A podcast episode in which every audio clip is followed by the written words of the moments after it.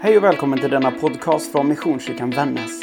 Vi hoppas att den ska uppmuntra dig till att ta nästa steg i din tro. Om du vill ha mer koll på vad som händer hos oss, gå in och följ Missionskyrkan Vännäs på Facebook och Instagram eller kontakta oss via vår hemsida www.missionskyrkanvannas.se. Välkommen hem hit. Den här sången, Gå Sion din konung att möta, den handlar ju om Jesu liv från hans födelse till hans död och fram till hans uppståndelse. Den berättar om den där guden som kyrkan har förkunnat genom de här 2000 åren. Och så säger den att vi ska glädja oss eftersom Gud har förändrat spelplanen för oss alla. I den här första versen som vi sjöng så möts vi av den berättelse som jag kommer predika kring idag. Och vi sjöng Gå Sion din konung att möta. Jerusalem gläds åt din Gud. Strö palmer på väg för Messias. Bered dig som väntande brud. Ifrån Matteus evangeliets 21 kapitel så står det så här. När de närmade sig Jerusalem och kom till Betfage vid Olivberget skickade Jesus iväg två av sina lärjungar och sa till dem, gå bort till byn där framme så hittar ni genast ett åsnesto som står bundet med ett föl bredvid sig. Ta dem och led hit dem. Och om någon säger något så ska ni svara, Herren behöver dem, men han ska strax skicka tillbaks dem. Detta hände för att det som sagts genom profeten skulle uppfyllas. Säg till dotter Sion, se din konung kommer till dig ödmjuk och ridande på en åsna och på ett föl, ett lastdjurs föl. Lärjungarna gick bort och gjorde så som Jesus hade sagt åt dem. De hämtade åsnan och fölet och la sina mantlar på dem och han satt upp. Många i folkmassan bredde ut sina mantlar på vägen och andra skar kvistar från träden och strödde dem på vägen och folket. Både de som gick före och de som följde efter ropade Hosianna, Davids son. Välsignad är han som kommer i Herrens namn. Hosianna i höjden. När han drog in i Jerusalem blev det stor uppståndelse i hela staden och man frågade Vem är han? Och folket svarade Det är profeten Jesus från Nasaret i Galileen. Låt oss be en bön. Tack gode Gud för att vi får fira första advent. Tack att vi får vara med och ge av våra pengar. Och jag ber Herre att du välsignar dem. Så att vi kan få berätta den här berättelsen i kyrkor och kapell och missionshus över hela världen. Om att du har kommit med hopp och befrielse, med liv i överflöd. Möt oss den här stunden oavsett vart vi är och vart vi kommer ifrån. Amen.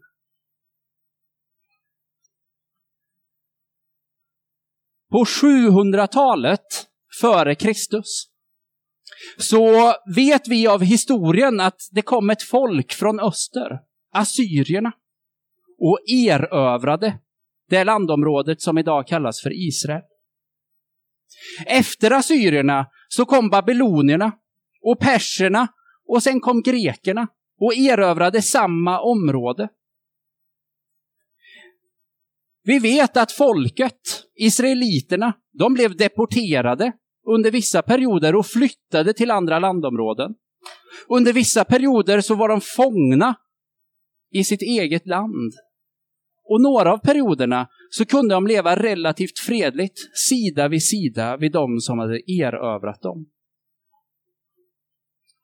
År 63 före Kristus så kommer ett nytt folk och invaderar landet. Det är romarna. Romarriket är på framväxt och man utser en kung relativt snart. Kungen heter Herodes.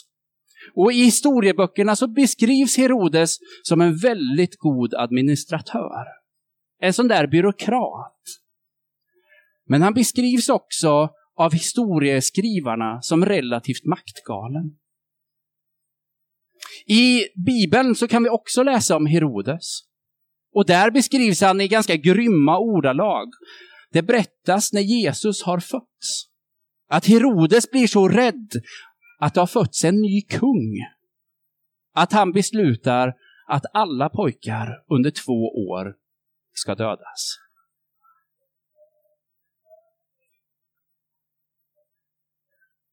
Vi förstår alltså att när vi är i Nya Testamentets berättelser så möter vi ett folk som lever under ockupation, i det här fallet av det romerska riket. De har varit under ockupation i över 700 år. Och man förstår att det börjar bli en del av deras identitet. När Jesus rider in i Jerusalem så har staden varit ockuperad i över 80 år. Det innebär att i princip ingen levande människa vid den här tiden hade upplevt någonting annat än att vara under det romerska rikets förtryck. Men livet pågick ju. Livet pågick i Jerusalem och vi förstår ju att det var bara för folket att anpassa sig. När vi läser Bibeln så förstår vi att under många förhållanden så var det i starkt förtryck. Men vi kan ju ana att människor anpassade sina liv till de förutsättningar som faktiskt gavs. Till det förtryck som var och att de på många sätt normaliserade den situationen som ändå var. För det var ju deras vardag. Det var ju deras liv. Och även om det fanns hopp om förändring så var det här deras liv. I veckan så har jag läst nyheterna i tidningen och kollat på tv. Vi kan ju fundera på vilka vår tids olika makter är, som vi har vant oss vid, men som förtrycker oss och som vi ibland faktiskt har normaliserat. För vi vet ingenting annat. Vi får helt enkelt köpa situationen, tänker vi. För det är ju så livet är. Jag läste i veckan om Malå kommun som har skurit ner på äldreomsorgen. Där man har skurit ner kring matserveringen. I nuläget så har man haft en gemensam matservering. Men nu har man skärt ner på det så att alla äldre som bor på äldreboendet får en matlåda att äta på sitt rum. Jag läste om Umeås förskolor som eh, har ytterligare sparkrav på sig. Man gissar att det kommer leda till större barngrupper och till och med sämre arbetsvillkor för personalen. Många av oss höjer sin röst i missnöje. Men samtidigt kan vi konstatera att barn och äldre prioriteras bort i såväl budget som i våra egna prioriteringar att ta hand om våra barn och äldre. Det är vår tid, en av våra utmaningar. På sociala medier och i telefon så ser jag och jag pratar med många av mina vänner som säger jag har gått in i väggen. Jag orkar inte jobba längre. Jag är sjukskriven och jag har fått utmattningsdepression och jag, jag har ångest. Det har gått så lång tid att man har accepterat att arbeta hårdare än vad både kroppen och psyket orkar med.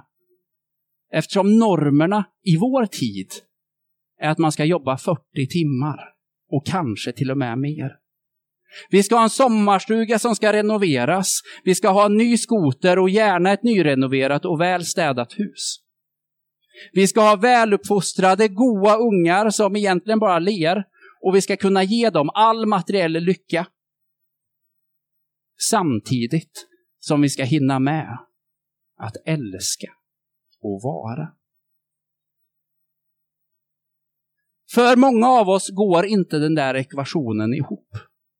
Och vi är många som känner att vi är fångar under tiden. Att det är ett ekorrhjul som inte kan brytas. Och att vi är slavar under tiden.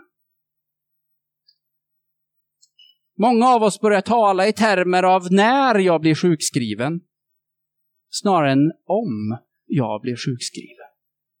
En situation som har blivit näst intill normal, även om vi alla kan ta ett steg tillbaks och säga att det är någonting sjukt. Vi lever i en tid där vissa saker har blivit så normalt att vi bara förhåller oss till det. För vem har sagt att 40 timmar är det man ska jobba?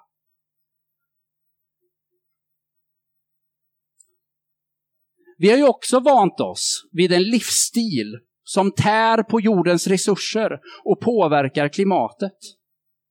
Vi vet alla om detta. Samtidigt så har vi vant oss vid en ekonomisk standard och vi har svårt att betala den där reella kostnaden för tröjan jag så gärna vill köpa billigt. Vi vet allt detta. Men samtidigt är vanans makt så svår att bryta. Vi är på så många sätt slavar under vår egen bekvämlighet och marknadens ständiga tankar om tillväxt. Vi vet allt detta, men det är en del av vår tid som vi på många sätt förhåller oss till, men sitter fast i.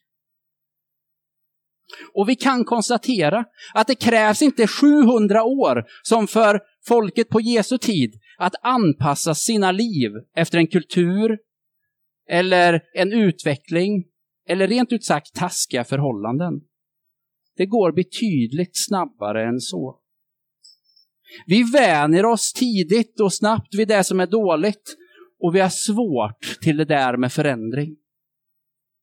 Vi vet att det är lätt att fastna i tankemönster, att nöja sig även om det är dåligt, eller att helt enkelt bli förblindade av den verkligheten som omger oss. Och ibland går det så långt att vi till och med rättfärdigar eländet, eller att vi blir rädda för att höja vår röst och gå mot samtidens tankar. För vem vill sticka ut? Vem vill anses vara lite för mycket? Få av oss.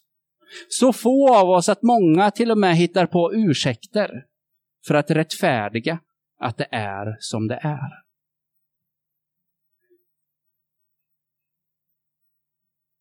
Bibeln, den berättar en ytterligare berättelse om varför vi inte ska vänja oss vid det som förtrycker oss. Eller acceptera att livet ska stå på paus. I Markus evangeliets femte kapitel så berättas det om en kvinna som har blivit svårt sjuk. Den här sjukdomen har hon haft i tolv år och det berättas att hon har försökt allting för att bli frisk. Den här sjukdomen gör i sin tid att hon inte får umgås med andra människor efter man, eftersom man tänker att den smittar.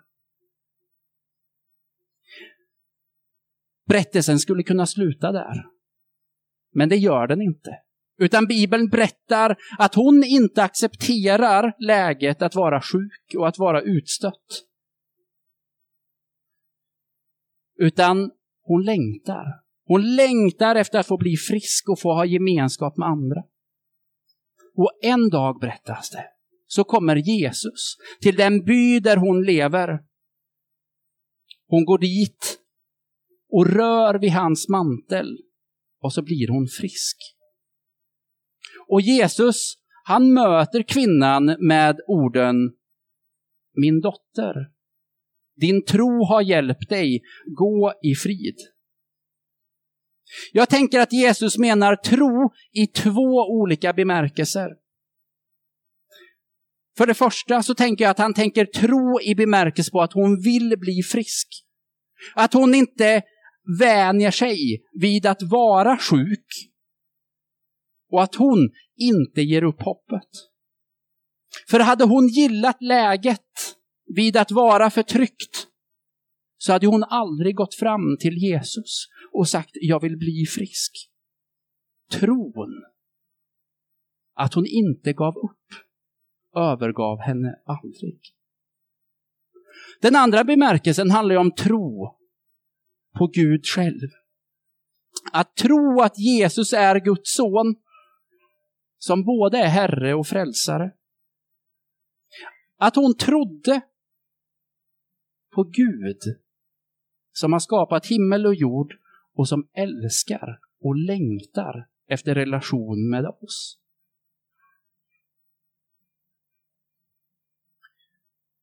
Men dagens text om när Jesus rider in i Jerusalem, den handlar ju om att hoppet kanske inte alltid kommer i den form vi förväntar oss.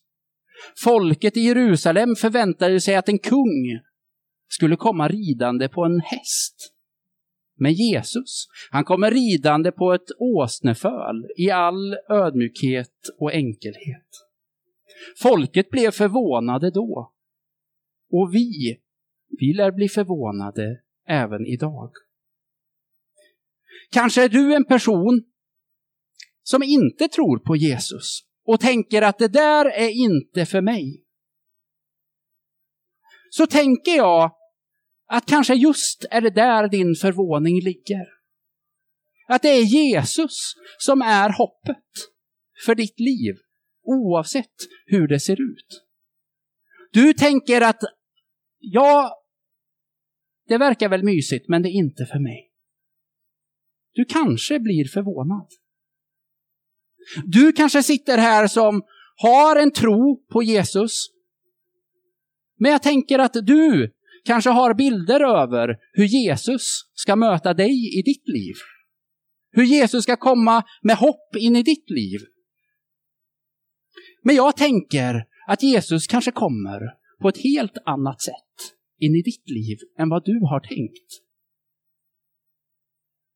Oavsett vart du står i livet och vilken relation du har till Jesus, så vittnar den här texten om att hoppet finns, men kanske i en form som du inte har räknat med.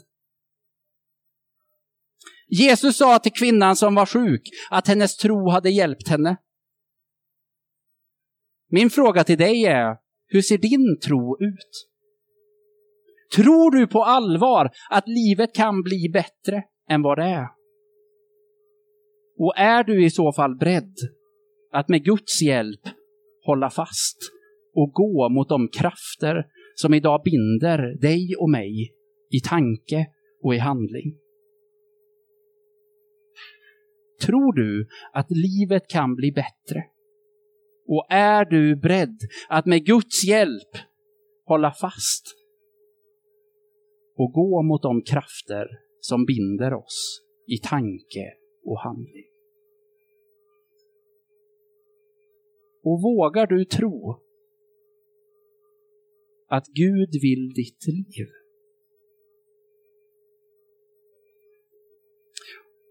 Hopp handlar så många gånger om att få se sin situation i ett nytt ljus. Att se en öppning i det där som kändes så låst, det jag satt så fast i tanke eller i handling. Det kan handla om att se hur de där destruktiva makterna binder oss. Men att hoppet är att se att jag kan få bli fri. Och det är det hela Bibeln egentligen handlar om. Det är det den kristna tron handlar om. Att Gud vill göra oss fria. Julia läste i inledningen bibelordet från Lukas evangeliets fjärde kapitel. Syn för de blinda och befrielse för de fångna är anledningen till att jag har kommit, säger Jesus. Och vi kan säga att Jesus är hopp. Därför att hans sanningar inte bygger på vår samtid. Utan han erbjuder oss ett annat tankesätt, andra glasögon till ett rike som både bor inom oss och finns i evigheten.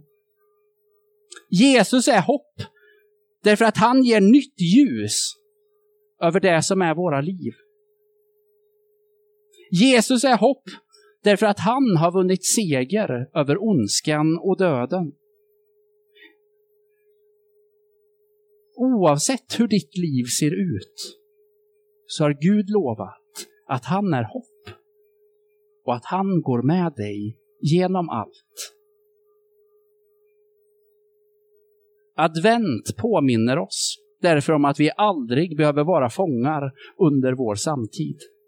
Vi erbjuds befrielse i Jesus till tanke, till handling och till liv. Men frågan till dig, den är, vågar du tro att livet har mer att ge och att Gud vill ditt liv? Amen. Vi kommer alldeles snart få höra, bara instrumentalt, sången vi sjöng i inledningen. Bered en väg för Herren.